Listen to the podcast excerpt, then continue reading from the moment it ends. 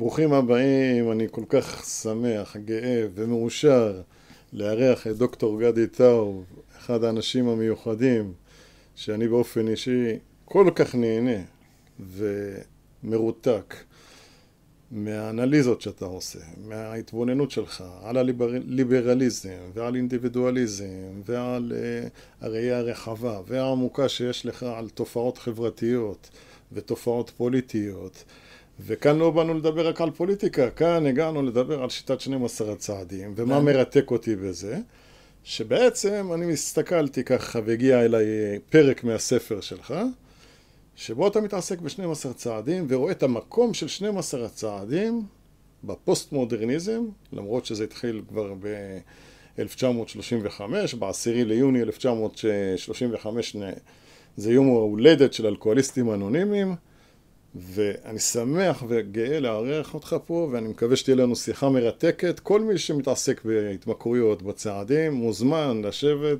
יהיה חזק אני מאמין. אה, אז גם אני שמעתי עליך מתלמידותיך, אה, אז אני שמח להיות פה. אז צריך להגיד תודה לנופית שחיברה כן. בינינו, ואני הצגתי לך כדי שתגיע לאולפן. לא היה צריך להציג הרבה, אני שמח להיות פה. בוא תיתן ככה כמה מילים, כי לא יודע כמה מהקהל שלנו חשוף לדברים שלך, על כל הנושא של אה, אינדיבידואליזם וליברליזם, ליברליזם רדיקלי, בכלל, מה קורה היום בעולם? ובכן, או, אז אה, הספר האחרון שלי, נדים ונייחים, אה, מנסה לאבחן את המאבקים הפוליטיים החדשים. אחרי שכתבתי אותו, כמו שקורה, אז אה, מצאתי לו הדים במקומות אחרים, ו, והמאבק הוא בין תפיסה אה, אנטי-לאומית, אינדיבידואליסטית וגלובליסטית. אני לא חושב שכל הפוסט-מודרניזם זה זה ניאו-מרקסיזם, אני לא חושב שזה הכל קומוניזם, אני חושב שיש פה אלמנטים רדיקליים דווקא של אינדיבידואליזם.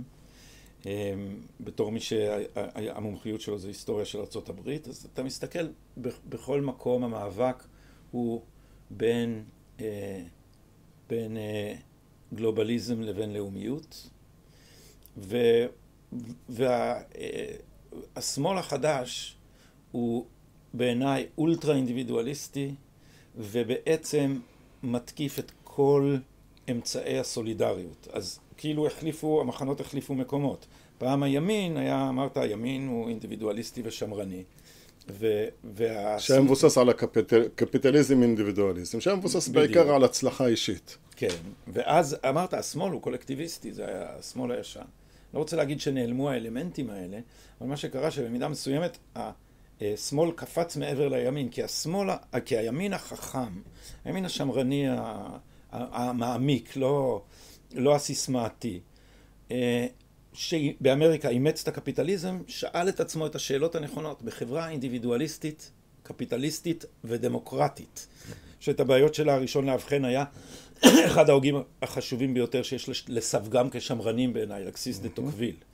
הבין את הבעיות של חברה כזאת, הימין השמרני מבין אותם ואומר בחברה שבה כל הכוחות הם דינמיות, אינדיבידואליזם זה מבודד, קפיטליזם זה מהפכני, זה כל הזמן משנה צורה אה, לפי השוק, מה יחזיק את החברה הזאת מלא להפוך למלחמת הכל בכל, אתה יודע, לסערה של כדורי ביליארד מתנגשים שאין ביניהם שום קשר. והימין יש לו שלוש תשובות לשאלה הזאת, ואפשר לקרוא להם חישוקי הסולידריות. המשפחה, הלאום והדת. ואלה, אה, זה במובן מסוים השילוש הקדוש של, ה, של הימין השמרני. עכשיו תסתכל, מה זה השמאל החדש? את מה הוא תוקף? את המשפחה, את הלאומיות ואת הדת. בשם משהו יותר קטן, מפוליטיקה של הזהות שמפרידה לקבוצות קטנות ועד לפירור האחרון. תגיד כמה מילים על הפוליטיקה של הזהויות. וככה נתחבר ל-12 הצעדים. בשמחה. הפוליטיקה של הזהות, בעיניי, כל הזמן אומרים לי עכשיו, אתה מדבר על אה, דיכוי המזרחים בישראל, מה נהייתה הפוליטיקה של הזהות? אתה מדבר, אבישי בן חיים, זה, אני, אבישי בן חיים אני מסכים איתו על הרבה דברים, לא על הכל. אבל הפוליטיקה של הזהות מכוונת קודם כל נגד הלאומיות. תסתכל מה הם כותבים, הם כותבים נגד כור ההיתוך, נגד הזהות הציונית, נגד מה שמשותף ללאום. בשם מה הם כותבים את זה? בשם זהויות קבוצתיות. עכשיו, הזהויות הקבוצתיות האלה, בסוף כל הזמן מתפרקות לקבוצות יותר קטנות.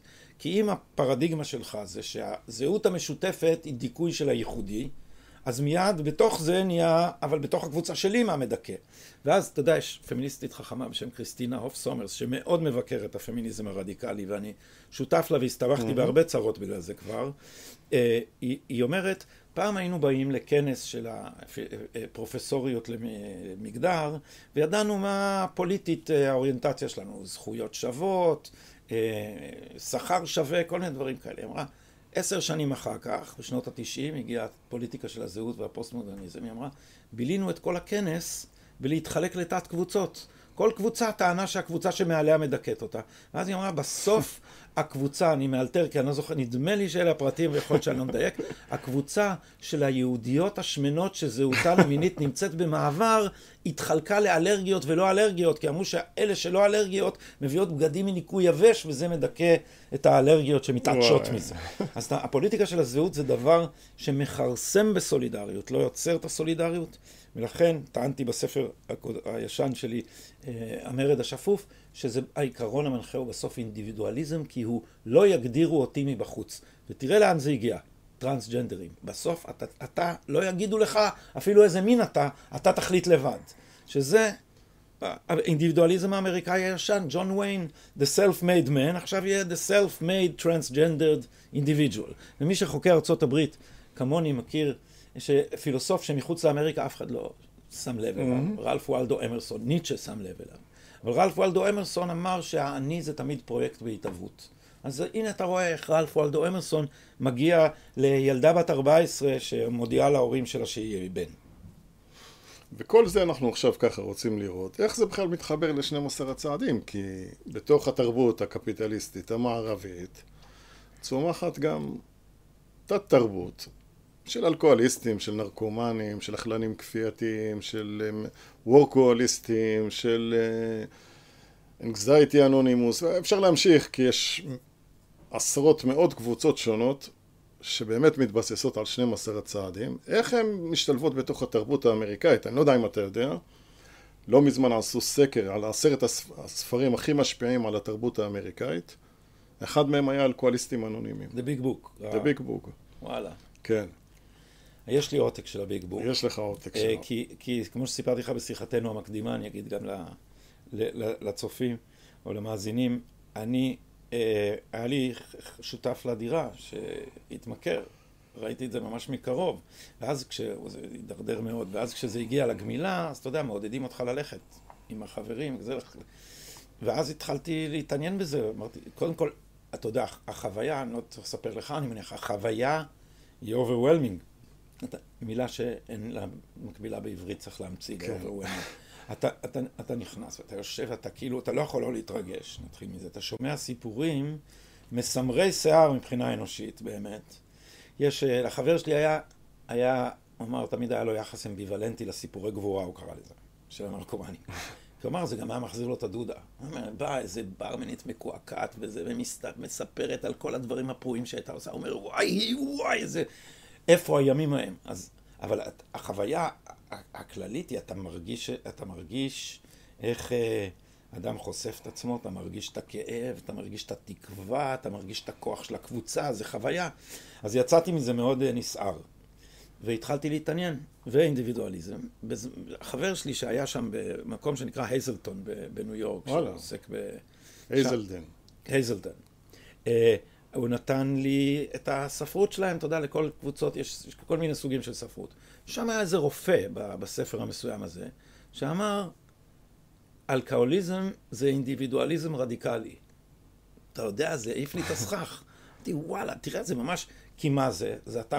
אתה בסוף מתרכז לתשוקה רק של עצמך ואתה נהיה מונוכרומטי. הוא עושה, כאילו... אני אוסיף לך עוד מילה, הוא אומר, זה, אינדיביד... זה... זה הם אלכוהוליסטים, אינדיבידואליסטים דווקאיים, רדיקליים. כי הם עושים דווקא. כן, אבל, אבל מה זה עושה? זה מראה לך שאגואיזם זה מצוקה. כי זה מנתק, כי, כי הסיפורים, אתה מבין איך זה מנתק אותך מכל דבר אחר, וזה בעצם מנתק אותך ממבטו של הזולת, זה מנתק אותך ממחויבות לקשרים חברתיים, ואתה מאבד יותר ויותר mm-hmm. מהאפשרות לתקשר.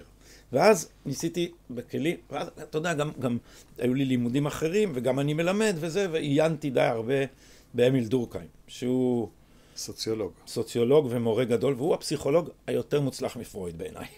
הוא הבין אנשים יותר, ואז זה הוביל לעוד כל מיני דברים. אדם סמית, פסיכולוג נהדר. התנ"ך של הקפיטליזם, הספר הקודם שלו, נקרא אה, התיאוריה של הרגשות המוסריים, וש, ו, ו, ושם הוא מסביר, אתה יודע, דבר שכולנו יודעים, למה אתה לא מחטט באף בבית קפה? כי אנשים רואים. המבט של הזולת זה דבר מרסן. הוא מאפשר את המחויבות לכללים, והוא מאפשר את הבושה, שזה דבר שנעלם לאלכוהוליסט, נכון? Mm-hmm, זה נשחק mm-hmm. והוא מאבד בפנים את ההפנמה של הכללים. ואז התחלתי לחשוב על המאמר הזה. כתבתי שני ספרים שאף אחד לא קרא, אולי אתה ועוד שניים. כל פעם שאומרים לי משהו, אני אומר, זה אתה קנית את העותק. אז אה, הם נקראים נגד בדידות. אני חשבתי שהם יהיו הצלחה גדולה, וזו הייתה טעות אה, מסחרית, טעות פטאלית. אה, אבל אני מאוד מחובר אל הדברים שכתבתי שם. יש שם כל מיני דברים שטלטלו אותי. אחד זה מאמר על גילוי עריות, גם כן דבר שמבודד מהחברתי.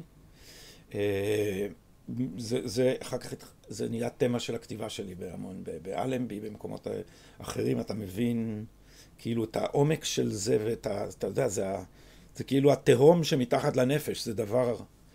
וזה, וזה לא מאפשר להיות אינדיבידואל, כלומר, כשההורה הוא מה שתוקף אותך, אז, את, הוא, אתה, אז אתה סגור בתוך הגולם ולא יכול לפתח כנפיים. זה מה שזה עושה בעצם.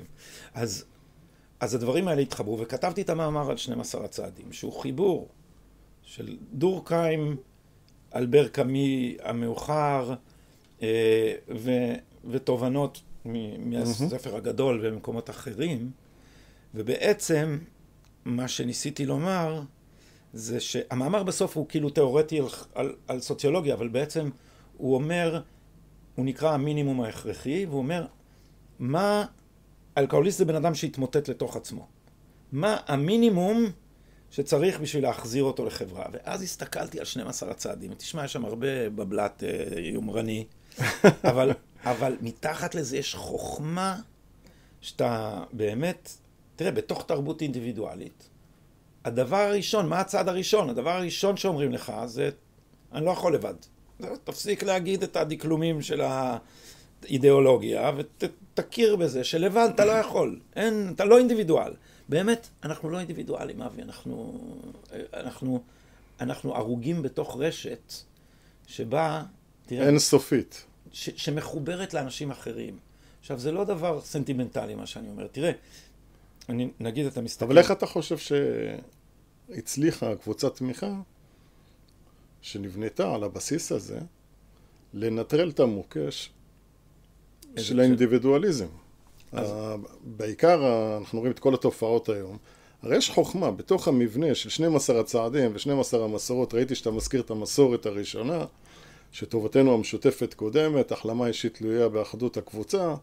זאת אומרת שיש פילוסופיה עמוקה מאוד, מאוד. למרות כל הביקורת שמעבירים על הספרות הזאת, היא חוכמת על. לג... ש... באמת, אם אתה שואל מאיפה הגיעה החוכמה, זה הגיע מזה שאנשים מתו על כל טעות שעשו. לפני שנכתבה מילה בספר, אנשים מתו. הם עשו משהו שלא ידעו שאסור לעשות, ואז הכניסו את זה, ואז נבנה, הספ... הספרות נבנתה כשראו מה קורה לאנשים כתוצאה מפעולות שהם עשו. וככה נבנה בעצם, הספרות הלכה והתפתחה עם השנים. למרות שיש גם, קודם כל נגיד שיש שוני ויש הבדל בין אלכוהוליסטים אנונימיים לנרקומנים אנונימיים, כי אלכוהוליסטים אנונימיים מתרכזים רק באלכוהול, ונרקומנים אנונימיים מתעסקים בהתמכרות, שזה מושג הרבה יותר רחב, וזה שינה את כל העבודה והתרגול והאימון והדברים שהצטברו. אני, החבר שלי היה קוקיין אנונימוס, שזה היה נכון. בתוך... אה, זה, כאן אני חושב שזה נרקומנים אנונימיים בישראל, לא יודע, יש קוקאין אנונימי? אין, אין, עדיין אין בארץ, למרות שיש מלא מלא אנשים מכורים לקוקאין במדינת ישראל. אנחנו חיים בסביבה, כאן אני, אנחנו בצפון תל אביב, מדינה מוכת אה, שימוש בקוקאין, דוקטור וכל מיני סמים. איך הצליחו לפתור את זה? אז, אז מה שאני... יש פה, יש פה עניין, יבוא, תבוא מישהי עכשיו שרוצה שיגדירו אותה כאנחנו, תיכנס לקבוצת תמיכה, מה? אמ, אז אני חושב, אני שכחתי לציין בין אבות המזון שלי את קליפורד גירץ. וה, והדיונים שלו במשמעות, האנתרופולוגיה mm-hmm. הסימבולית. אז עכשיו דיברנו על מושגים, זה בעצם מאוד פשוט. מה שניסיתי להגיד, אתה יודע, יש רגעים כאלה, אתה מסתכל על כל המבנה, ופתאום ההיגיון הפנימי מתברר לך. עכשיו הנרקומנים יודעים את זה, אבל אני, אני לא הייתי נרקומן, אני לא התנזרתי מסמים, אבל אני לא, אז זה לא, גם, ולא מאלכוהול, אבל זה לא נתפס, אתה יודע, יש הרבה, השאלה למה, למה מי נתפס היא שאלה מעניינת, אבל פתאום ראיתי מה ההיגיון הפנימי של הדבר הזה. וההיגיון הפנימי של הדבר הזה הוא לחבר את האדם חזרה למערכות שבלעדיהם הנפש מתמוטטת ומחוצה לו. אז זה פתאום, כשאתה יודע, עקבתי אחרי החבר שלי ופתאום אמרתי, איך הם, איזה גאוני זה. אז הדבר הראשון זה ספונסר. קודם כל יש מישהו שאתה, מחברים אותך אליו בקשר אישי של אמפתיה. זה הדבר הראשון. אחרי זה, אתה את, את הקשר הזה מחברים לתוך קבוצה mm-hmm. שבה יש סולידריות. והקבוצה מורכבת מקשרים כאלה. אז כאילו האטום מחובר ברשת uh, לכל, לכל האטומים האחרים בקשרים אינטימיים שבסוף יוצרים מסגרת כללית. המסגרת הכללית מחויבת לכללי התנהגות, מוסר. במקרה של אלכוהוליק אנונימוס זה מאוד פשוט, אל תשתה. חברה כללית, המוסר זה דבר mm-hmm. הרבה יותר מורכב, אבל פה זה כאילו, בגלל זה קראתי את זה המינימום ההכרחי. כי אתה רואה כל שכבה ממש, כאילו רק את, ה, את המינימום שצריך בשבילה. אז הכלל פה בהתנהגות הוא אל תשתה. עכשיו, בדיוק כמו שאומר אמיל דורקהיים, המחויבות שלנו לכללי מוסר מעוגנת בסולידריות של הקבוצה. הסיבה שאתה מתנהג כמו שאתה מתנהג ואתה לא עושה דברים מסוימים, היא שאתה מפנים אותה מהקבוצה והקבוצה תקיא אותך אם לא תתנהג כך. נכון. זאת אומרת, אם אתה תרצח מישהו, הקבוצה מתנתקת ממך. אז... גם אתה תתנתק ממנה. גם אתה תתנתק ממנה, אני מסכים עם זה.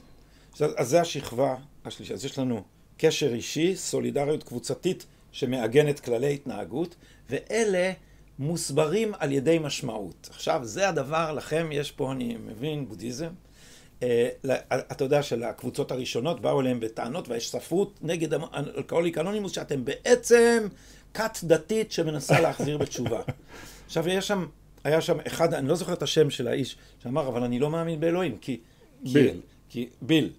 אז, אז אז מי שכתב את התוכנית לא האמין באלוהים. אבל, אבל התוכנית כוללת את אלוהים. אז, אז בסוף נהיה הדבר שממבט... אבל מאחור... תדע לך שהיה ויכוח עצום על הנושא הזה. לא רצו לרשום את המילה אלוהים. רצו לרשום כוח עליון, אלוהות, אה, משהו שמעל הטבע. God as we understand him, נכון? ככה אומרים, איך אומרים בעברית? לפני זה באה אשתו של ויל ואמרה לו, איך אתה לא מתבייש אם לא החסד של אלוהים? הם היו ממש ככה, הם ישבו, אתה יודע, כשכתבו את הספר ב... ב-1938. ואשתו הגיעה ואמרה לו, איך אתה לא מתבייש? אה, שמעת ויכוח? אמרה לו, מה, אתה לא מתבייש? כאילו, אלוהים הציל אותך, בלי החסד של אלוהים לא היית חי היום. תראה מה זה, ואחד החברים לא ביל בעצמו. אחרי שהיה דיון סוער, אמר אולי נרשום, אוקיי, נרשום את המילה אלוהים, אבל כפי שאתה מבין אותו. ככה נכנס המושג אה, לתוך התוכנית. זה היה ביל או מישהו אחר שאמר בשבילי, God זה group of drunks. זה הקבוצה. כן. והחבר שלי... הרבה אנשים במחקרים בארצות הברית עשו לא, מחקרי, עומק על אנשים שנקיים 15, 20, 30 שנה, ובדקו מה באמת הכוח העליון שלהם אחרי כל השנים האלה, זה הקבוצה. כן. הקבוצה, התוכנית, הם לא הלכו מעבר לזה. הם נשארו ברמה הזאת שהקבוצה מספקת להם את, את המקור אנרגיה ומקור כוח ומקור עוצמה בחיים. לא, אני, תראה, אני גם אתאיסט, זה ברור לי, והחבר שלי שנגמר היה אתאיסט, אבל אני גם מבין, מבין את התפקיד פה, כי, ולכן אמרתי קליפורד גירץ, כי בשביל שמערכת הכללים תהיה להצדקה, צריך תחושה של משמעות. והמשמעות נותנת אותה עמדה פילוסופית או דת או זה. והמאמר של קליפורד גירץ, שנקרא הדת כמערכת תרבות, זה דבר, זה, זה מסוג הדברים שמפילים אותך מהכיסא. כי, כי מה שהוא אומר שם, אומר, תראו, בני אדם זקוקים למשמעות. את זה אנחנו יודעים, אנחנו יודעים, יש אגדות כאלה, הן לא נכונות דרך אגב, אבל שהמתמטיקאים היוונים, כשהם נתקלו במספרים אי-רציונליים פעם ראשונה, התאבדו. כי זה לא יכול להיות, זה כל התמוטט, זה כמו שקרה לאנשים כשהתמוטט הקומוניזם, אתה יודע, המשמעות התמוטטה להם. אז אנשים זקוקים למשמעות. ומה שקליפורד גירץ אומר על הדת, הוא אומר, הדת מסוגלת להכיל אה, דיסוננסים בלי שתתמוטט המשמעות. למה? כי אל תחקור במופלא ממך. כי אלוהים זה הגרנטי, זה הערבות לזה שיש משמעות גם אם אתה לא מבין אותה.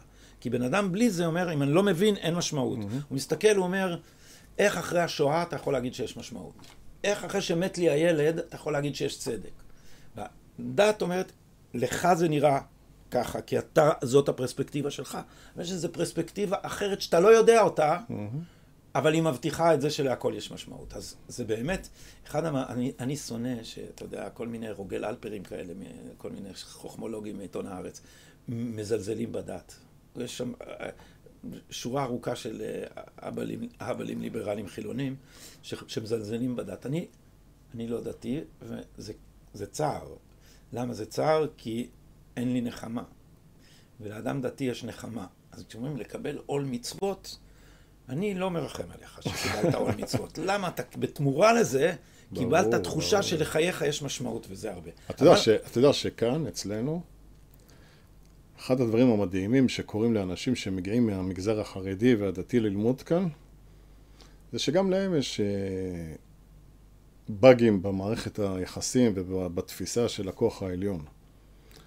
אחד הדברים שהצעדים עושים, מחזירים אותם בתשובה אמיתית ומתקנים, שלהם. כן, מתקנים להם את מערכות היחסים שיש להם עם הדבר הזה שנקרא דת או אלוהים או... כי הרבה מאוד סובלים מאשמה, מבושה, מכעס, מתינות מודחקות, מדברים עמוקים שבאמת אה, מנתקים אותם, ואז מה שקורה, הם מפחדים להיות בקשר עם, עם אלוהים שהם כל כך רוצים אותו בתוך החיים שלהם, אין להם יכולת לתקשר איתו, כי זה כל כך טעון בכל כך הרבה פחדים ובחרדות, שהם לא מצליחים באמת להיות מחוברים באופן טבעי אליו. הרי אני אוסיף לך משהו לנושא הליברלי, כי אני רוצה להוסיף לך איזה נקודה שם.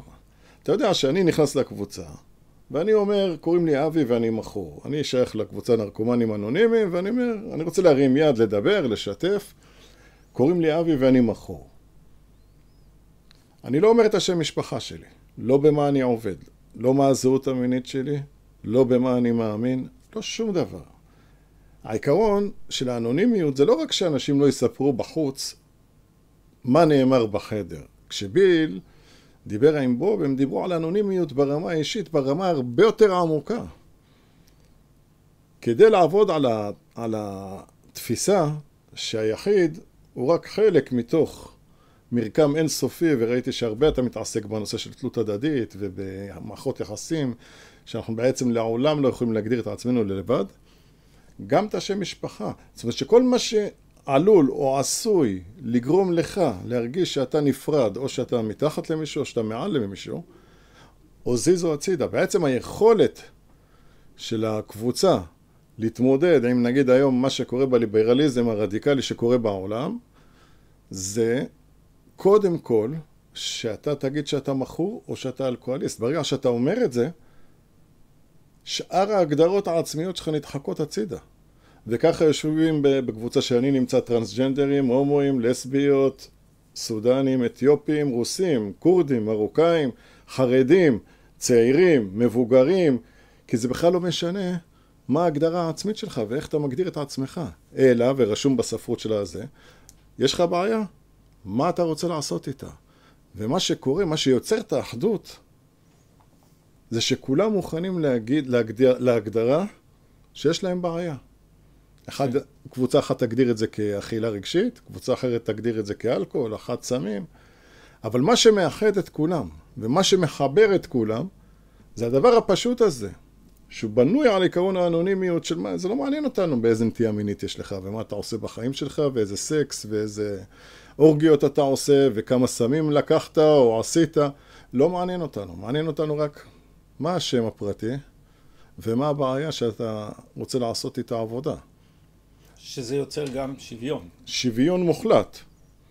בין כל החברים, כי אתה לא יכול להכניס את החיים שיש לך בחוץ לתוך החדר. וככה מה שקורה, גם את הדעות הפוליטיות שלך דרך אגב, לא מעניין. מה הדעות הפוליטיות שלך, מה הדעות הדתיות שלך. אומר, הרפורמה עוד לא פיצלה קבוצות אצלכם? לא פיצלה קבוצות אצלנו. כי משפחות כבר מתפרקות, משפחות מתפרקות, זה זוועה. זה זוועה. הרפורמה לא יכולה לפרק, כי זה דבר שהוא הבסיס שעליו נשענת כל שיטת 12 הצעדים, אי אפשר לחדור את זה. אתה, כמו שאמרת, אתה יכול להיפלט החוצה, אנשים שרוצים לחיות ימשיכו לחיות. אתה יודע, הדת פשטה את הרגל בהתמכרויות, לכן הם הגיעו לצעדים. הפסיכולוגיה פשטה את הרגל, ולכן הם הגיעו לצעדים. הפסיכיאטריה פשטה את הרגל, ולכן הם הגיעו לצעדים. הפילוסופיה פשטה את הרגל בהתמכרויות, ולכן הם הגיעו לצעדים.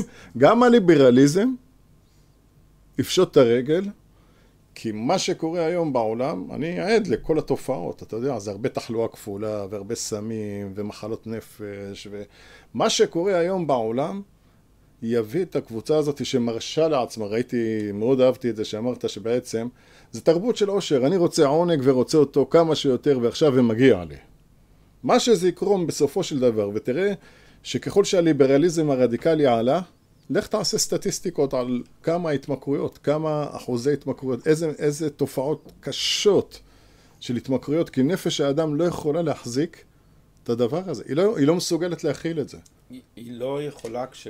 מנתקים אותה מההקשר החברתי שלה. לכן האדם הוא יצור חברתי בשורשו. וכל המחשבה הליברלית שמתחילה, שמבוססת על הרעיון שהחירות זה העיקר, וכל מה שבא מבחוץ הוא חשוד בתור איום עליי. אתה יודע, יש, יש חיות שהן אינדיבידואליסטיות קיצוניות. כלבים לא, אבל חתולים כן. אחד הדברים, אני נורא אוהב חתולים, ויש לי, יש לי שתי חתולות, ואחד הדברים שאתה שם לב, שחתולה, כשאתה גורם לה לעשות משהו, מעצם זה שאתה גרמת, זה נתפס בעיניה כדבר עוין. זאת אומרת, היא רוצה לשבת על הספה, אבל אם אתה תרים אותה לספה, אז כפו עליה משהו, וזה משהו שבא מבחוץ, וזה רע, אז היא תרד. אז זה חתול, הוא לא בנוי לזה, אבל כלב... הוא, הוא חיה חברתית, והוא, ואדם הוא חיה חברתית. ולכן הרעיון, תראה, הפוסט-מודרניזם הרדיקלי, מישל פוקו, לא מבינים מה זה הדבר הזה מישל פוקו. בעיניי, כל הזמן הדיון בזה הוא, אה, מתייחסים את מישל פוקו כאילו הוא רצה להרחיב את הזכויות. מישל פוקו רצה לפרק את הזהות האנושית כדי להגיע לחירות מוחלטת. החירות המוחלטת אומרת ש... ואתה רואה איך זה יצא מתוך קבוצות של... קומונות רדיקליות ב, ב, ב, בארצות הברית של ההיפים, שדיברו על ה-here and now, שזה mm-hmm. לצמצם את עצמך להוויה נקודתית, מנותקת מ- מ- מהכל. וזה מה שמישל פוקו רצה. מישל פוקו רצה לפרק כל מערכת משמעות. עכשיו, זה דבר מאוד נועז, כי תראה, אנחנו מדברים פה, כאילו ברור שהצד הזה הוא טוב והצד הזה הוא רע, וזה לא מדויק. הצד הזה, הוא גם יש בו הרבה מועקה. אנחנו מדברים על זה שהדת נותנת משמעות, היא גם עושה איסורים וזה, אני מכיר מישהי... איסורים גדולים. יש מישהי שהיא חרדית. בעלה נפטר לפני 15 שנה, והיא הייתה צעירה אז, והיא לא יצאה אפילו לדייט אחד, כי יש לה ממש פוביה מזה שזה חטא. אז החברה גם יכולה להיות מאוד מאוד מאוד מאוד מחניקה. בהרבה מובנים, ולפעמים ממש מרושעת, ואתה יודע, היסטריות מוסריות, אנחנו רואים עכשיו את הדבר הזה, אני רק עכשיו כתבתי על זה, שמתנגדי הרפורמה מכינים ממש, לפי דעתי, ציד מכשפות, בזה שאנחנו עכשיו נתפוס את כל מי שהיה בעד זה, וחכו שאנחנו נחזור לשלטון. אז, אז בעצם המצב האנושי, ולי עזרה בזה מאוד מרגרט מאלר. מרגרט מאלר, אה, פסיכולוגיה זה דבר מבולגן, אתה יודע. אתה יודע מה היום גמר עליהם? שממציאים מילים שלא קיימים במציאות. אני, אני מסכים עם זה. מושגים, לא מילים. ומרגרט מאלר כתבה ספר עם שם פיוטי, כתוב כמו בסוציולוגית מיובשת, אבל הוא, הוא פיוטי ביסודו, שנקרא אה, הלידה הפסיכולוגית של התינוק האנושי. והספר הזה בעצם אומר שהתינוק נולד מתוך הגוף של האימא שלו ונפרד, אבל הנפש לא מבינה את הנפרדות. אז בהתחלה, בעיני התינוק זה הכל דבר אחד. ולאט לאט התינוק מבין שהוא עני. והיא אומרת, יש רגע קריטי בחיים של התינוק שהוא פתאום שם את היד על החזה של אימא ועושה ככה. הוא מתרחק מהשד שהוא יונק, והוא כי הוא קולט. פתאום, הוא רוצה להסתכל עליה, הוא פתאום קולט שזה הוא והיא. וה, והרגע הזה אומר, היא- סימבולית הוא לידת העצמיות. ואחרי זה התינוק מסתקרן ומגלה את העולם ומגלה את העצמאות, אבל גם את הבדידות. ואז, ואז יש, אחרי זה היה ויניקוט, אם זה דברים נורא יפים של, ה, של הבדידות בנוכחות הזולת. שהילד רוצה להיות לבד, אבל לדעת שאימא קרובה. אז, אז הוא יכול להיות שקט עם עצמו, כי הנוכחות שלו, שלה כאן. אז, ומר, ובעצם ממרגרט מאלר, מה שאני חושב אפשר לקחת זה שהמצב האנושי הוא לנצח אנחנו תקועים באמצע, בין הרצון להשתחרר לגמרי מהזולת ולעשות מה שאנחנו רוצים, שבקצה של זה, as you know, מחכה ההתמכרות. והצד השני הוא להיטמע לגמרי בזולת, שזה גם דבר מסוכן. אז אנחנו, שאנחנו קוראים לו תלות יתר. בשפה שלכם לא הכרתי את המונח. קודה, זה נקרא קוד דיפנדנסי, זה בדרך כלל. במש- כן, זה תלות יתר.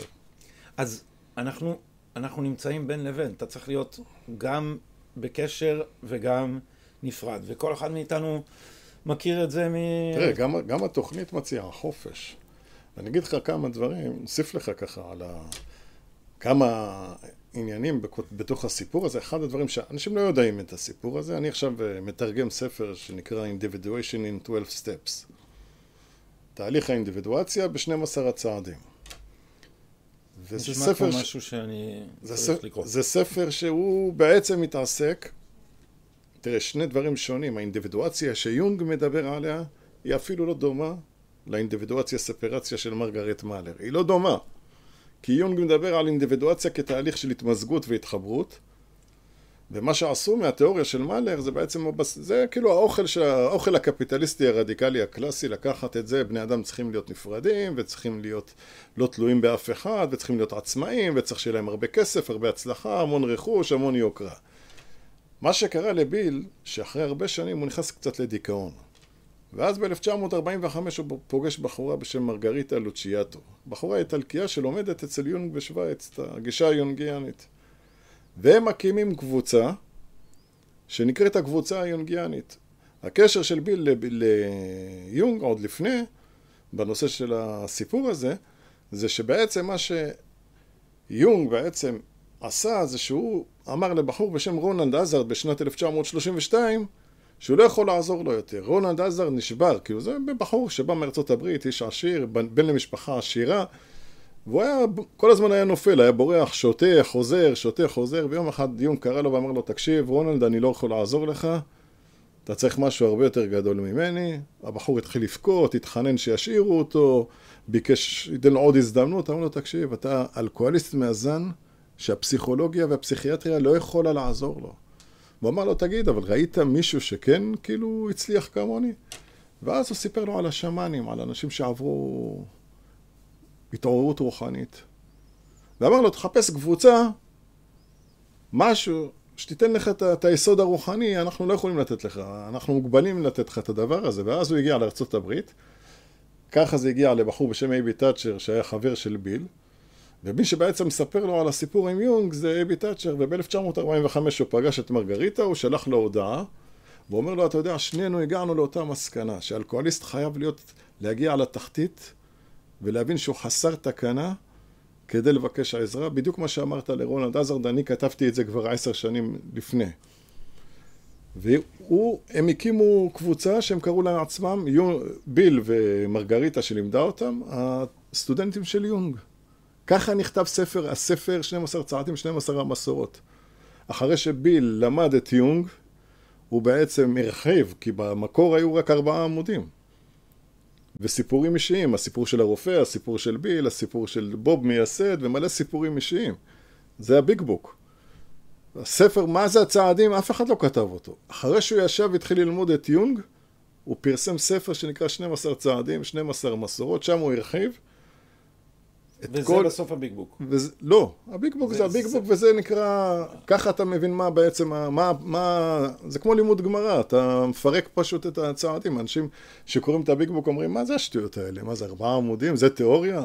אני לא יודע, במהדורה שלי, שלי כנראה כללה את שניהם. אולי כללה את שניהם. ביג בוק שלי, אתה יודע, עשיתי מסודר את הצעדים, וגם אחר כך חיפשתי את התרגום לעברית, כי אמרתי, אני לא אתרגם בעצמי, כי יש, יש הרי כבר... אה, וככה זה נמשך כמעט 15 שנה. יונג נפטר ב-1961, כשיונג על ערש דווי, ביל שולח לו מכתבים, מעביר דברים דרך מרגריטה, תראה מה יונג אמר לו.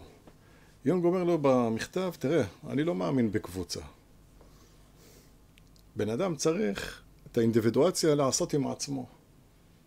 אנשים יפריעו לו להתעסק בעצמו. הוא התעסק בתככים, במזימות, הוא אמר לי, זה לקח לי, הוא חייב להתבודד, ללכת פנימה, והמושג שהוא אומר לו, מי שמתבונן החוצה חולה, מי שמתבונן פנימה מתעורר, מי שמתבונן פנימה לא יכול להתעסק בדברים חילוניים. הוא צריך את כל האנרגיה שלו לעבודה הפנימית שלו, להשלים עם התהליך הרוחני שהוא עובר. תראה ביל כמה היה חכם, תחשוב לעמוד מול קרל יונג הענק, והוא מסביר לו שאלכוהוליסטים לא יכולים לעשות את המסע הזה. לפחות לא בעשר שנים הראשונות. הם חייבים את הקבוצה כדי לבנות מסגרת חיצונית שהיא יציבה כדי לצלול פנימה. למרות שהמושגים של יונג הם התמזגות, התמסרות, אחדות, עם כל התופעות, אבל הוא חשב שכדי להגיע לתחושה של האחדות, בן אדם אסור לו להתעסק בהבלי העולם, הוא חייב להבין שהוא לא נפרד, שהכל אחד, ש... שהוא חלק מרשת אינדרה אינסופית, והכל מהדהד, והוא מהדהד בעולם, וזה... איך זה משתלב עם הבודהיזם? בדיוק אותו דבר בבודהיזם, הרי הוא היה, הוא ספג מהטאואיזם ומהבודהיזם. בבודהיזם מה שבודה אמר בהתעוררות הרוחנית שלו, הרי התרבות ההינדית היא זה שיש הטמן. מה זה הטמן? יש לך נשמה. היא מתגלגלת, היא עוברת מכלב לחתול, לבן אדם, לעני, לעשיר, לברהמין, ל... אבל הנשמה היא קבועה. כשבודה עובר התעוררות רוחנית, הוא קם בהערה שלו ואומר, אין אטמן, אין עצמי נפרד וקבוע. מה זה אומר אין עצמי נפרד וקבוע? אין ישות נפרדת. עכשיו אני, זה מה שאני ואתה יוצרים כאן, ברגע הזה. ברגע הבא זה יכול להשתנות. העצמי שלנו בתנועה כל הזמן, והוא בא במגע, אני אתן לך הגדרה שלנו במכללה, שהעצמי שלנו זה פוטנציאל בהתהוות עם מקומות, דברים ואנשים.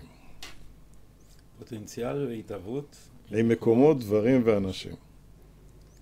זה מעניין. אני, אני אגיד לך איך אני חושב על זה, או איך אני אה, מבין את זה, וזה לא ברמת ההפשטה הזאת, אלא כי, כי אני חושב שיש משהו טרגי בבדידות של המצב האנושי. אתה יודע, אתה, בסוף אתה תקוע בגוף שלך, והוא מתקלקל בסוף, ואז אתה, אתה יודע, אתה, ודאי מתו אנשים קרובים לך בחייך, ואתה רואה את הדבר הזה, ואתה אומר, בסוף אדם טובע לבד. לבד. כאילו, אז, אז מה הפירוש, אז כאילו אם אתה, יש לך תפיסה מיסטית של הביחד, אז המת לבד הוא לא חשוב, כי זה כמו, אתה יודע, כוורת דבורים, או, או אה, כן נמלים, הנמלה טוב, האחת טובעת, זה לא חשוב, הכן, הרי הנמלה מוכנה לטבוע כדי שהבא יעבור עליה, כי אין לה, היא לא עצמית, היא, היא רק קבוצה.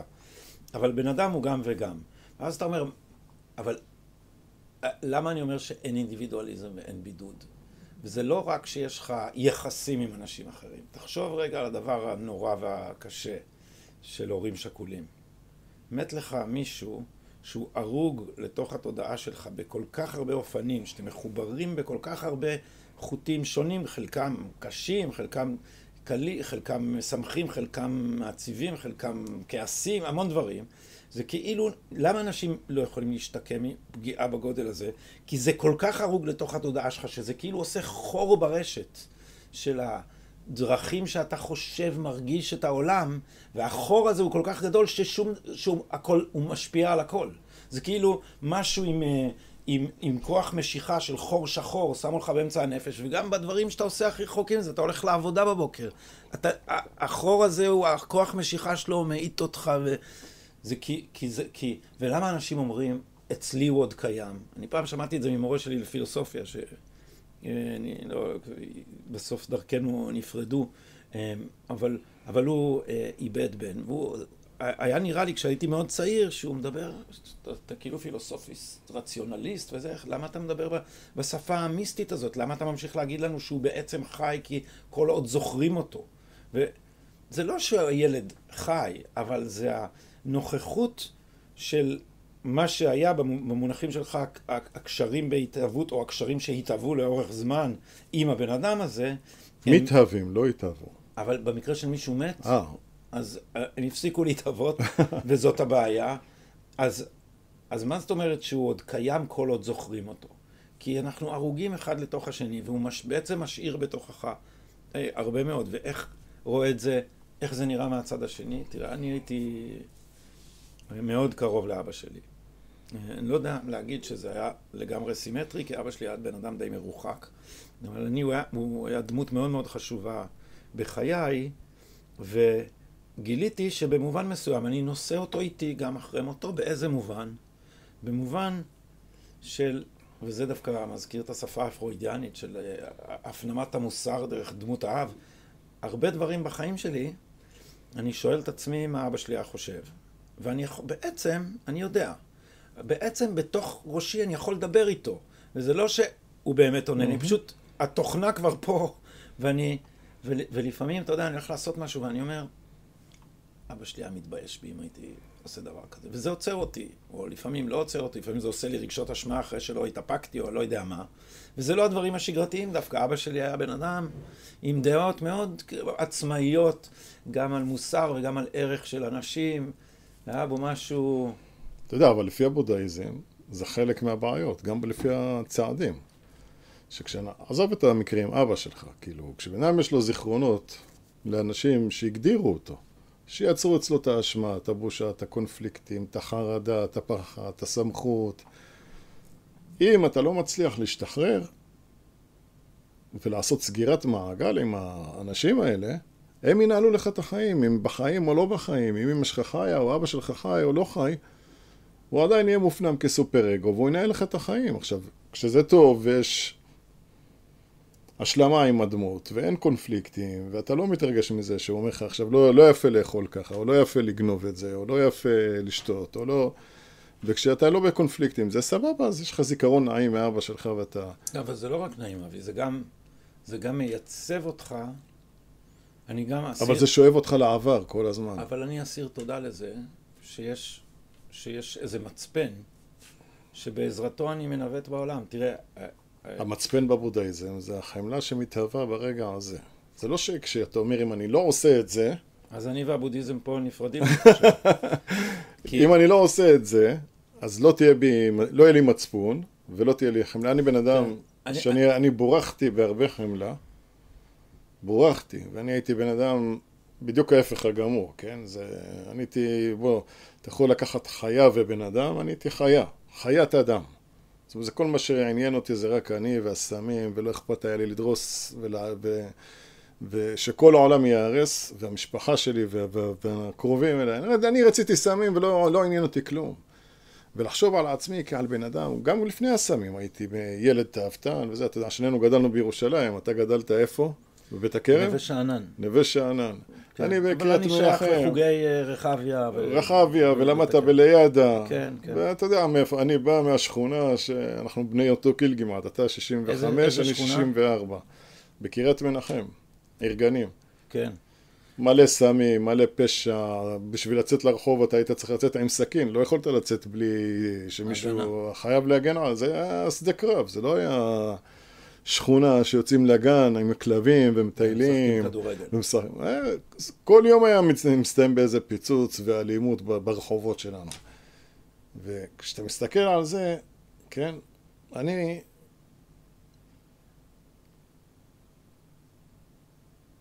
היום אני יכול להגיד לך שהחמלה היא הדבר הכי חזק שיש בתוך החיים שלי. אין משהו יותר חזק, זה המשקפיים אבל זה מעניין שאתה מביא את זה מהבודהיזם, כי, כי, כי... זה גם בצעדים, כי בצעד שמונה העיקרון הרוחני זה חמלה. כדי שתהיה מסוגל לעשות חשבון נפש בוא נקרא אותו ולעשות... רגע שאני אזכר שאני... היינו נכונים, כן, ערכנו רשימה של אנשים שבהם פגענו והיינו נכונים לכפר. עוד לא כפרה, זה צעד מקדים. נכונים לכפר. הוא נקרא פרה צעד תשע. והוא אומר, קודם כל בוא תראה. עכשיו, איך בן אדם יראה אם הוא כל כך אגואיסט, בואו ניקח בליברליזם הרדיקלי, והוא עסוק בהגדרה העצמית שלו עכשיו. הוא רואה בכלל מי נפגע ממנו, הוא עסוק שבזה הוא קורבן של המציאות, אנשים מפריעים לו להגדרה עצמית. החוויה היא סובייקטיבית רדיקלית קיצונית. את מי הוא יראה שהוא פוגע, במי הוא יראה שהוא פוגע, חוץ מהחיות, כן? כן. ו-. ואז אתה שואל את עצמך, איך בן אדם כזה יכול לראות? אז צעד שמונה אומר, אתה חייב להתחיל לראות, לצאת מריכוז עצמי, קוראים לזה בתוכנית ריכוז עצמי. אתה חייב לצאת מריכוז עצמי, ולראות במי אתה פוגע, במי פגעת. כי אם לא תפתח חמלה, והעיקרון הרוחני הוא חמלה, כי אתה יודע, בודה, אחד הדברים שהוא עבר, זה ב... כשהיה בכאב, הוא היה שש שנים סגפן ונזיר מתבודד ועינה את הגוף שלו. ויום אחד הוא ישב בדשא והוא ראה את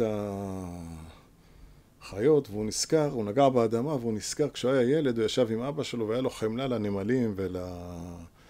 ולכל חי... חיות השדה. ופתאום הוא חש געגוע לילד שלו. תחשוב, שש שנים כשהוא היה בשיא הרוחניות שלו, עוד לפני שהוא נהיה בודהיסט, כשהוא היה ברהמין, הוא לא הרגיש חמלה, הוא גם לא הרגיש געגוע לילד. העולם הרוחני ניתק אותו מהרגשות. כן, זה עולם רוחני והחמלה, פגום. החמלה החזירה אותו לחוות געגוע לילד.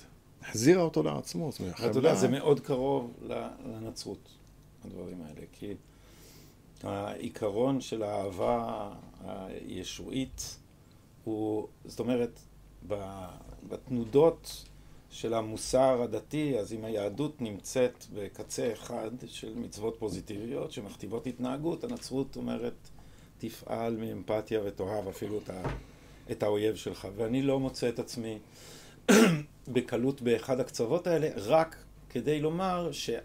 אתה יודע,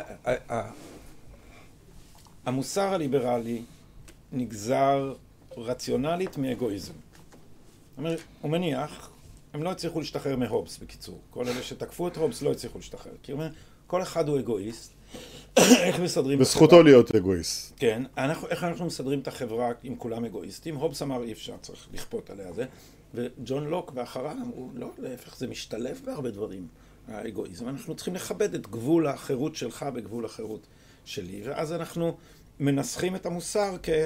למה אנשים התנהגו באופן מוסרי? מפני שזה מה ש... קראו הליברלים אינטרס עצמי נאור. אתה מבין שלא כדאי לך לגנוב כי יגנבו ממך. אז אתה, החישוב הזה גורם לך להתנהג התנהגות מוסרית. ואז באו הסקוטים, והאסכולה הסקוטית במוסר, אסכולת החוש המוסרי, אומרת בכלל השיפוט המוסרי שלך זה לא גזירה רציונלית מאינטרס עצמי של כולם, זה לא החישוב של הובס בכלל. ואומר, נדמה לי שזה היה פרנסיס אצ'יסון, אומר, אם אתה נוסע במרכבה, ובחלון אתה רואה איזה בריון מרביץ לילד, אין לך שום אינטרס בזה. זה לא קשור לחיים שלך בשום מקום, אבל אתה מתקומם מוסרית. אתה מתקומם מוסרית למה? לא כי עשית איזה חישוב שלפיו זה יצטבר שזה לא בסדר, אלא כי אתה מרחם על הילד. ואתה, כמו שהוא אמר, אצל, לפחות אצל אצ'יסון, זה כמו שיש לך חוש אסתטי, כשאתה מסתכל על משהו אתה לא מתחיל לחשב אם הוא יפה, אתה רואה שהוא יפה או אתה רואה שהוא לא יפה, וזה חוש. אז יש לך חוש מוסרי, ואתה רואה משהו שהוא רע, אתה מזהה רוע, משהו בנו mm-hmm, מוטבע mm-hmm. בעניין הזה. ואז בניו של האצ'סון, אני חושב, לקחו את זה קצת למקום אחר, שמתקרב אליך, שאומר, הבסיס של המוסר זה הרחבה של האמפתיה. ויש בעצם מעגלים, זה כבר, באצ'יסון עצמו זה לדעתי לא ברור, כי יש את שני הדברים. האם זה חוש אסתטי שאני יודע לזהות, או האם זה נגזר מאמפתיה? האם אני רואה את הסיטואציה הזאת שבריון מכה ילד ואני ברור לי שזה פגום, או האם אני רואה ואני מרחם על הילד. Mm-hmm. ואנשים, אדם סמית נגיד, ו, ודייוויד דיום וכדומה, אמרו, איך, איך, מה זה המוסר? זה הכללה של האמפתיה. אז יש לך, יש לך אמפתיה הכי, אתה אמפתי לעצמך. זאת אומרת, נגיד, אתה תשמור על עצמך מפני פגע כי את עצמך אתה אוהב. אבל זה לא שלילת הזולת. את המשפחה שלך אתה גם אוהב. אז זה הרחבה של האני. והאני מתרחב אל תוך הזה, וכשהבן שלך יקרה לו משהו, אז אתה... זה כואב לך כמעט כאילו זה קרה לך. והמכרים שלך הם במעגל שלישי, וזה כואב לך. Mm-hmm. אם קורה להם משהו, ומעבר למעגל הזה נמצאת האומה, שאכפת לך מזה ש... ששני ישראלים נהרגו בטיול בקמבודיה. זה אכפת לך יותר משני יפנים. למה אתה לא מכיר לא את אלה ולא את אלה? למה זה כן אכפת לך וזה לא? כי האמפתיה מתרחבת עד לשם. Mm-hmm. ובסוף, אומר אצ'סון, יש אמפתיה שמתרחבת לאנושות כולה, וזה השלב העליון, שזה Universal Calm Benevolence, הוא קורא לזה. אה, נדיבות לב אוניברסלית שלווה. וזה פיתוח של חינוך mm-hmm. מוסרי. אז אני, אני מאוד אוהב את הסקוטים, אבל אני חושב, שה, אני חושב שאנחנו לא יכולים לבנות את הכל על אמפתיה. זה לא הכל, זה היסוד להיות מסוגל לראות את האחר. תחשוב שמכורים... כחלק מהמערכת. מכור, לא... מה, זה, מה זה מכור? אתה צריך להבין, מה זה מכור? מכור זה כמו ילד קטן, הוא אגוצנטרי. הוא לא יכול לראות את הצרכים של אימא שלו. הוא רואה את הצרכים של עצמו, אלא אם כן הוא ילד הורי, ואז הוא לא רואה את הצרכים שלו ורואה רק את הצרכים שלה. כי הוא עסוק בלטפל בה. אבל בדרך כלל כשאתה מסתכל על אנשים, הם אגוצנטרים, הם... תחשוב, המחלה בתוכנית ב-12 צעדים מחולקת לשלוש רמות, פיזית, נפשית ורוחנית. ההיבט הכי עמוק בתפיסה הרוחנית, שהמחלה הרוחנית היא אגואיסטיות, זה אנוכיות. זה ריכוז עצמי קיצוני. ולכן הפתרון חייב להיות מושתת על יציאה מריכוז עצמי ולראות את האחר. בלי זה אתה לא, אתה לא, בסופו של דבר אתה לא תשתחרר מה... אם עשית את העבודה על הבדידות, אתה לא תוכל לרפא את הבדידות שאתה חווה בקרבך.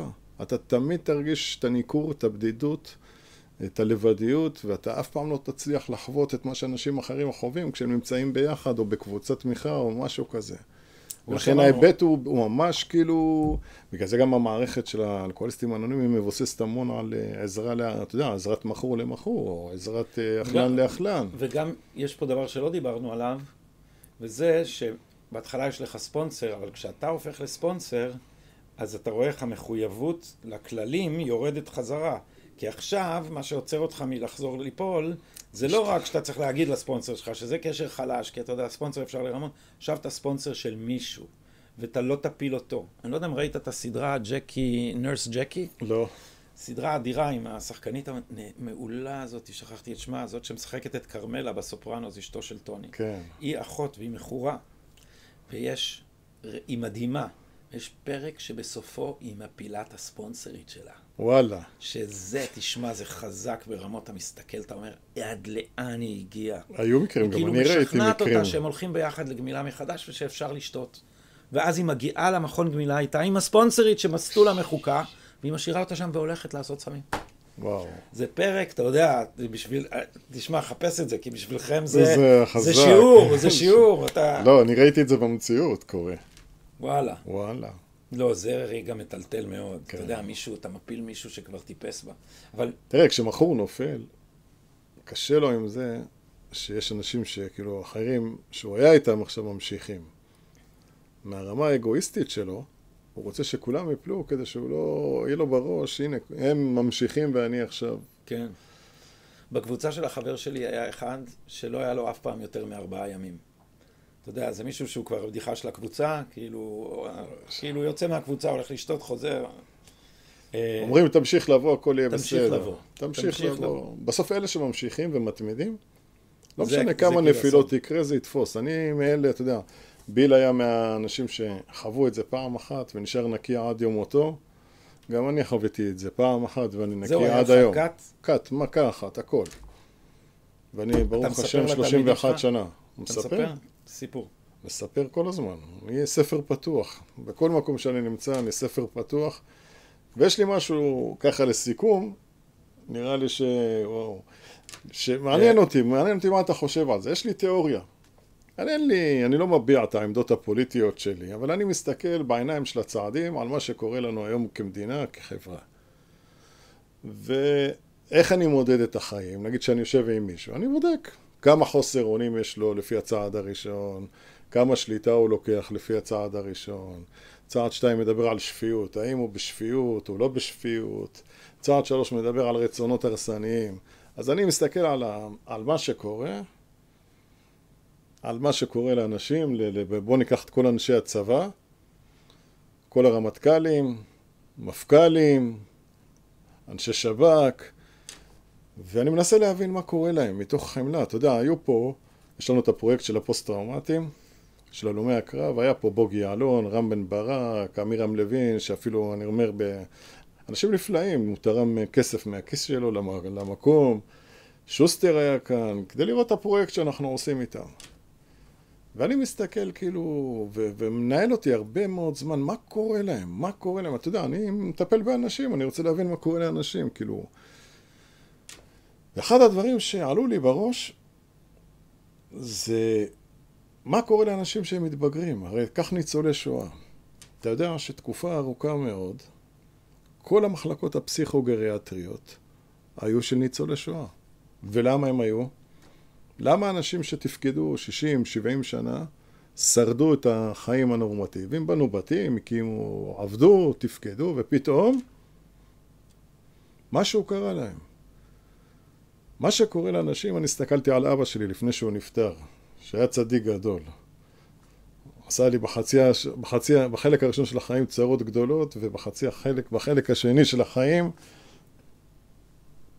היה אב אוהב, מבין ומתחשב. באמת, נתן נכון. והעניק, והיה לנו... הנקודה, הגבול בין השניים זה הגמילה? כן. כן? כן, הגמילה. ביום שזה... נהיינו חברים ממש טובים.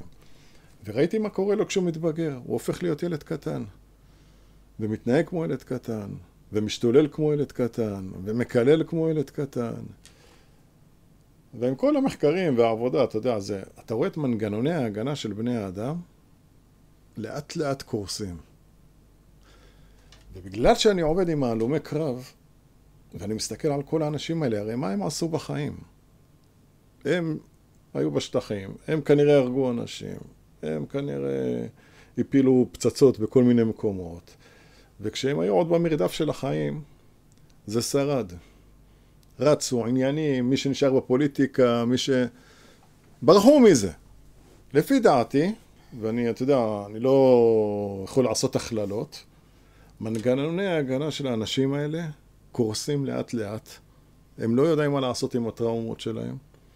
והם מוצאים את עצמם באיזה... והם מוצאים את עצמם... קייטנת קפלן. בקייטנת קפלן, בוא נגיד כמו בשפה שלך, ואני מסתכל בחמלה על הסיפור הכואב הזה, שאני חושב שיש שם המון המון המון מפקדים שפשוט לא יודעים מה לעשות עם החיים שלהם. יש להם צלקות ופצעים כואבים, ואני חושב שממש, כאילו, אני מסתכל בשיא החמלה, ממש, אני רואה את הטירוף שלהם בעיניים, הרי איך אני מודד אנשים? בן אדם בא אליי לטיפול, או שהוא לומד כאן, אני מודד את רמת האובססיה שלו. מה זה מחלה בהגדרה של התוכנית? אתה יודע מה זה מחלה? זה כל דבר שהופך אותך להיות כפייתי, אובססיבי ובריכוז עצמי. לא משנה מה. מה גורם לאלרגיה שלך להתפרץ? עכשיו, אני בכיתות שלי ובבית ספר לא מדבר על פוליטיקה, למה זה, אנשים, אה, זה, הם אלרגיים לסיפור הזה. אחרי מה, מה אמר הדוקטור סילקורט לאשתו של ביל? אמר לה, תקשיבו, הוא אלרגי לאלכוהול. כל פעם שהוא שם טיפת אלכוהול, זה כמו אש בשדה קוצים, אי אפשר לעצור את זה. אז אתה רואה, אם אתה רוצה לזרוק, לדבר על, להגיד לה, או להביע איזושהי דעה פוליטית, אתה רואה אש יוצאת. כן. למה להבעיר את האש? אז אנחנו לא מתעסקים בפוליטיקה. בפסיכולוגיה כן. בהבנת נפש האדם כן. כשאני מסתכל ואני עובד עם כל החבר'ה שלנו כאן, הלומי קרב, באמת אנשים, טייסים, קצינים בכירים, באו מ... אתה יודע, מדובדבן, מכל היחידות הכבדות של צה"ל, ואני רואה מה קרה לנפש שלהם. והם אלה שעוד ביקשו עזרה. מה עם אלה שאסור להם לבקש עזרה? כן. מה עכשיו, יבוא רמטכ"ל לשעבר ויגיד אני פוסט-טראומטי? תעזרו לי. אתה נראה לך מישהו מהם בא ואומר קוראים לא, לי... לא, אולי מישהו יגיד להם ויעזור להם. קוראים לי רפול ואני לא. פוסט-טראומטי? הייתה פעם איזו הצגה כזאת, עכשיו שכחתי את השם, הייתה הצגה מפורסמת, בקומית, אה, משהו, אה, כולם היו בניי חוץ מנעמי, נדמה לי קראו לזה. שם אחרי איזו השתוללות על הבמה, פתאום נכנסת מישהי בקומביניזון ואומרת, אה, ברכה, כנסי לפסיכודרמה. אז זה, אתה יודע, בא לך ללכת אל האלה, אחרי שהם גומרים את הנאומים? שקמה, כנסי לפסיכודרמה. זה מה שהיינו עושים לה פה. כן. תביא את עצמך, אתה יודע, אחד הדברים אצלנו, לא מדברים על, מדבר על עצמך. אתה יודע, זה חלק מזה שאתה מנטרל את הדעות. ת, תגיד מה שאתה מרגיש. כי ברגע שאתה אומר את מה שאתה מרגיש, אפשר להקשיב לך. תגיד את מה שאתה מרגיש. אתה מרגיש שאתה במצוקה, אתה מרגיש שהמדינה במצב לא טוב, אבל זה אתה מרגיש. זה החוויה הסובייקטיבית שלך, זה לא אומר כלום על העולם. אתה יודע, אני שומע אותך הרבה פעמים על רמת העיוורון והאי שפיות והבורות, כאילו, אני, אתה יודע, כשאני שומע אותך, מנסה להסביר ב- ב- בערוץ הכנסת, או שאתה יושב עם אנשים שלא חושבים כמוך, ואתה מנסה להסביר להם כמה הם לא רואים או לא שומעים, זה לא עוזר. למה זה לא עוזר, אתה יודע? ככה זה כשאתה יושב עם נרקומן פעיל ואתה אומר לו בוא, בוא, בוא, תראה, בוא תראה, מה, תראה איפה החיים שלך נמצאים. הוא יש לו סם, הוא לא שומע אותך בכלל, הוא לא רואה אותך. כן. וזה זה, בדיוק אותו דבר. כי זה אלטרנטיבה לחיים, זה כאילו יש לו... אין, הוא לא שומע אותך, אתה יכול לתת את כל התירוצים. אני אומר, אבל גם, תראה, שמע, אנשים שמסתכלים על נרקומן ברחוב ואומרים איזה מסכן, הם כאילו לא מבינים שהם לא רואים את מה שחשוב לו. הוא כאילו, הוא לא פה. ברור. הוא לא במקום אחר, בסטלה שלו. הוא יכול לשבת... זה שהוא שוכב ככה בזה ונראה לך מסכן, הוא לא מסכן הוא כרגע. לא מרגיש, הוא מרגיש לא עכשיו על גלגל העולם, עכשיו תשכנע אותו בוא לגמילה, נראה כן, אותך. רואה, יש לו שלוש שיניים, והוא יושב ככה בחום, נשען על המרפק, והוא... וזה אמיתי, הוא מרגיש שהוא על גג העולם. הוא עכשיו בנירוונה שלו, הוא רואה אותך סובל. כי מה הבעיה? אני, אני חשבתי על זה, על הדברים האלה המון. אה, הבעיה היא שזה מטוס בלי גלגלים. אתה כאילו, כשאתה טס, אתה באוויר. אבל כל פעם שאתה ח- פוגש את העולם זה התרסקות. נכון. ולכן הדבר הראשון שאתה צריך זה לברוח חזרה לאוויר, נכון. כי למטה אתה לא... אז ככל שהפער... בהתחלה אז אתה אומר, אה, וואלה, יש לי חיים ויש לי סמים, ולאט לאט, ככל שיש לך יותר סמים, יש לך פחות חיים, ובסוף, אתה נר- בנ- בנרקומנים, כאילו אלה שנעשים נרקומנים זה פול טיים ג'וב, אז בעצם אין לך חיים בכלל. בעצם החיים זה איזה מין, זה כמו לחזור לאיזה, לא- לאיזה תופת.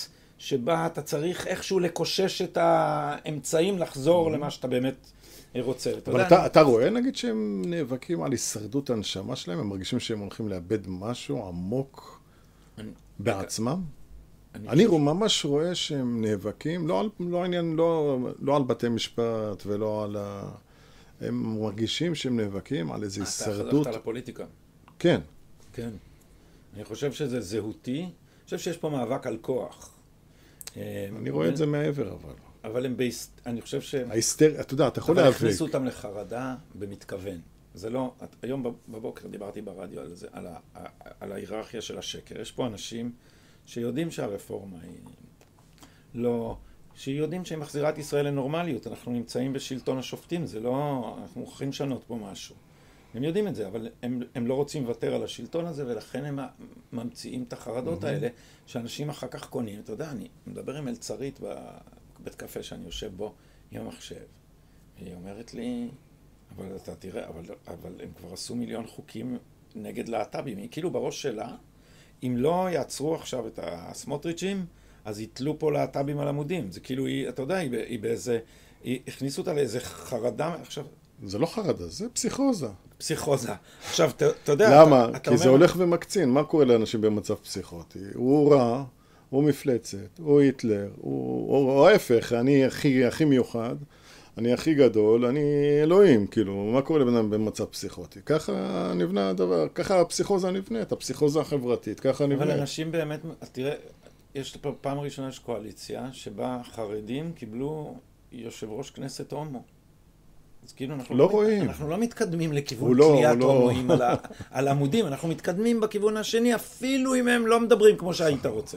אז, אבל אין מה, באמת, אתה יודע, זה לא, זה לא בשכנוע, ואני יותר ויותר... אתה יודע, ש- בגלל הסיפור הזה, אתה יודע, אני הייתי ימני רדיקלי קיצוני, אוהד בית"ר, לה פמיליה, אני הייתי עובר בכיכר המלכים, היו שם אנשים בשחור, אתה זוכר?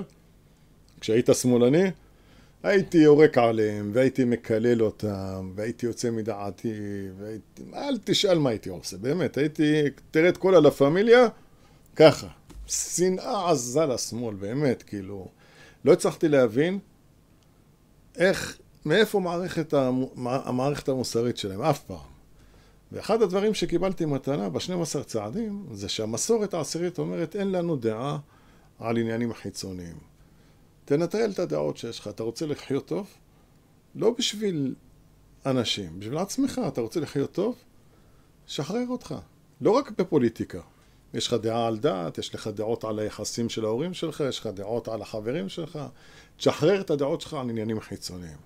תתעסק בפוקוס שלך בריפוי. תתעסק בנתינה, תתעסק בעשייה. אבל אז איך זה, מאיפה נובעת המחויבות שלך לחברה? לחברה? אין לי.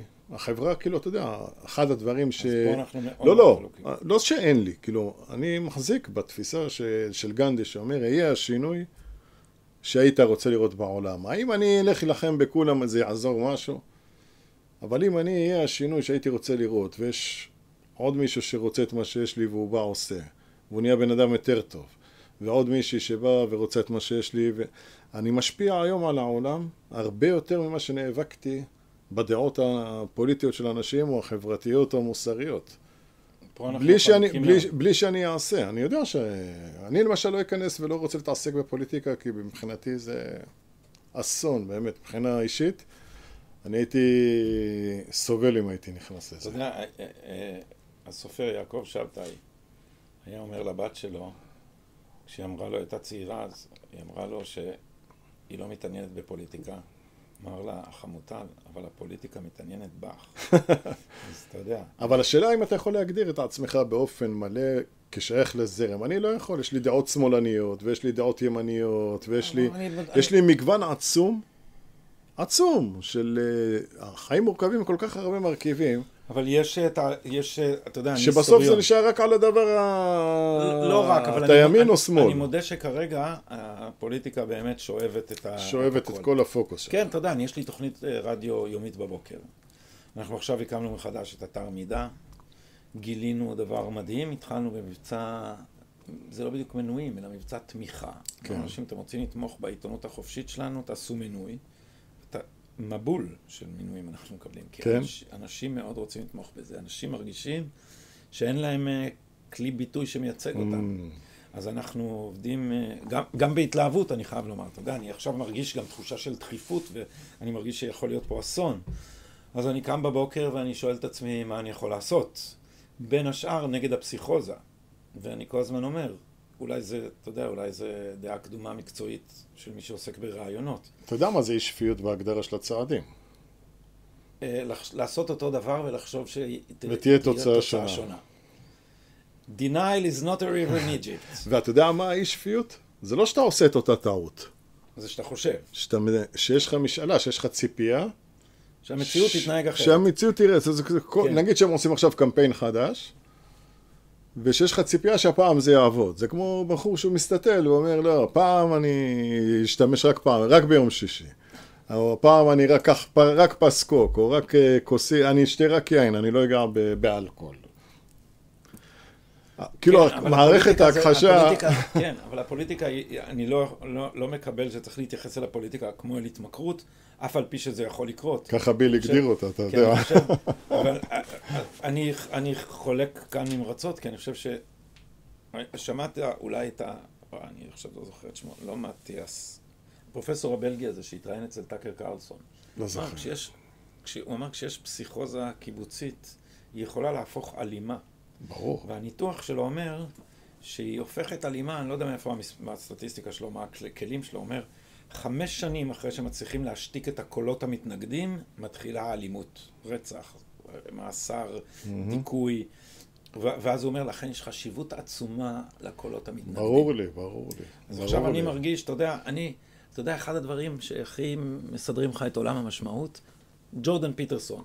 אה, שהוא מדהים. ש... אני שומע כן, אותך הרבה הכבוד- מדבר, בדרכך הגעתי אליו, אה, דרך כן, היה לי אגב. הכבוד לראיין אותו, איש מאוד מעניין, אבל אחד הספרים שהכי השפיעו עליו זה ארכיפלג גולאג של אה, סולג'ניצין.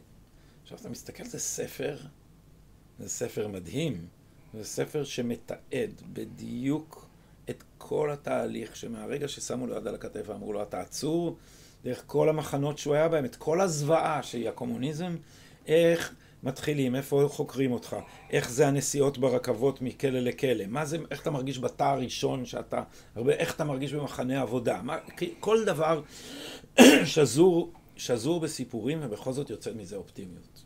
איך יוצאת מזה אופטימיות? עכשיו, את, את סולז'ניצין ראוי לצטט בעיניי מפני שהוא לא מוסרני. מוסרנות זה המכה של המוסר. ממש. מוסרנות זה ההפך ממוסר. אתה רואה את הצדקנים האלה, שום דבר טוב לא יוצא מזה. אז סולג'ניצין אומר... אתה יודע מה קורה כשאני שומע את המילה בושה? בגלל שאני, אתה יודע, עם כל מה שעברתי בחיים, אז כל הזמן ניסו לבייש אותי, שאני אפסיק לעשות את מה שאני עושה, אתה יודע. וכשאני שומע צועקים בושה, הגוף שלי מקבל ויברציות, זרמים. מהטראומה. מהטראומה של, ה... של מה שאני עברתי כל החיים. כאילו, כל החיים אמרו לי, תתבייש, מאז שאני ילד קטן.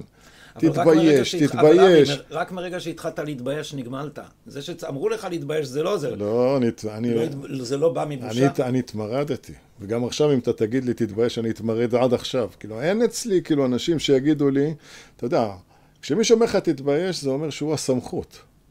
מי אומר, מתי אדם וחווה עוברים, אבל הקבוצה אדם וחווה אוכלים מעץ הדעת, וכשהסמכות מופיעה, ויבוששו. הם מתביישים כשהסמכות מופיעה.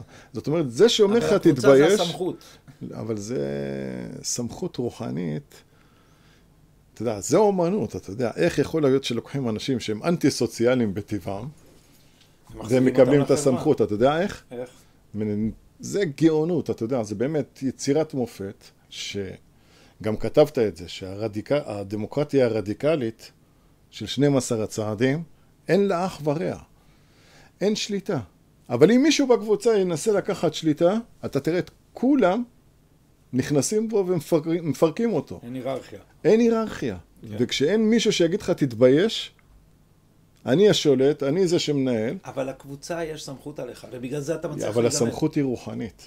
הסמכות היא וולונטרית. רוחנית. לצורכי הקבוצה שלנו רשום... היא סולידריות. תראה, רשום במסורת השנייה, לצורכי הקבוצה שלנו, יש רק סמכות אחת. אלוהים אוהב, תראה, אלוהים אוהב כפי שהוא יכול להתבטא במצפון הקבוצה. הוא יכול לא להתבטא, אבל יכול להתבטא.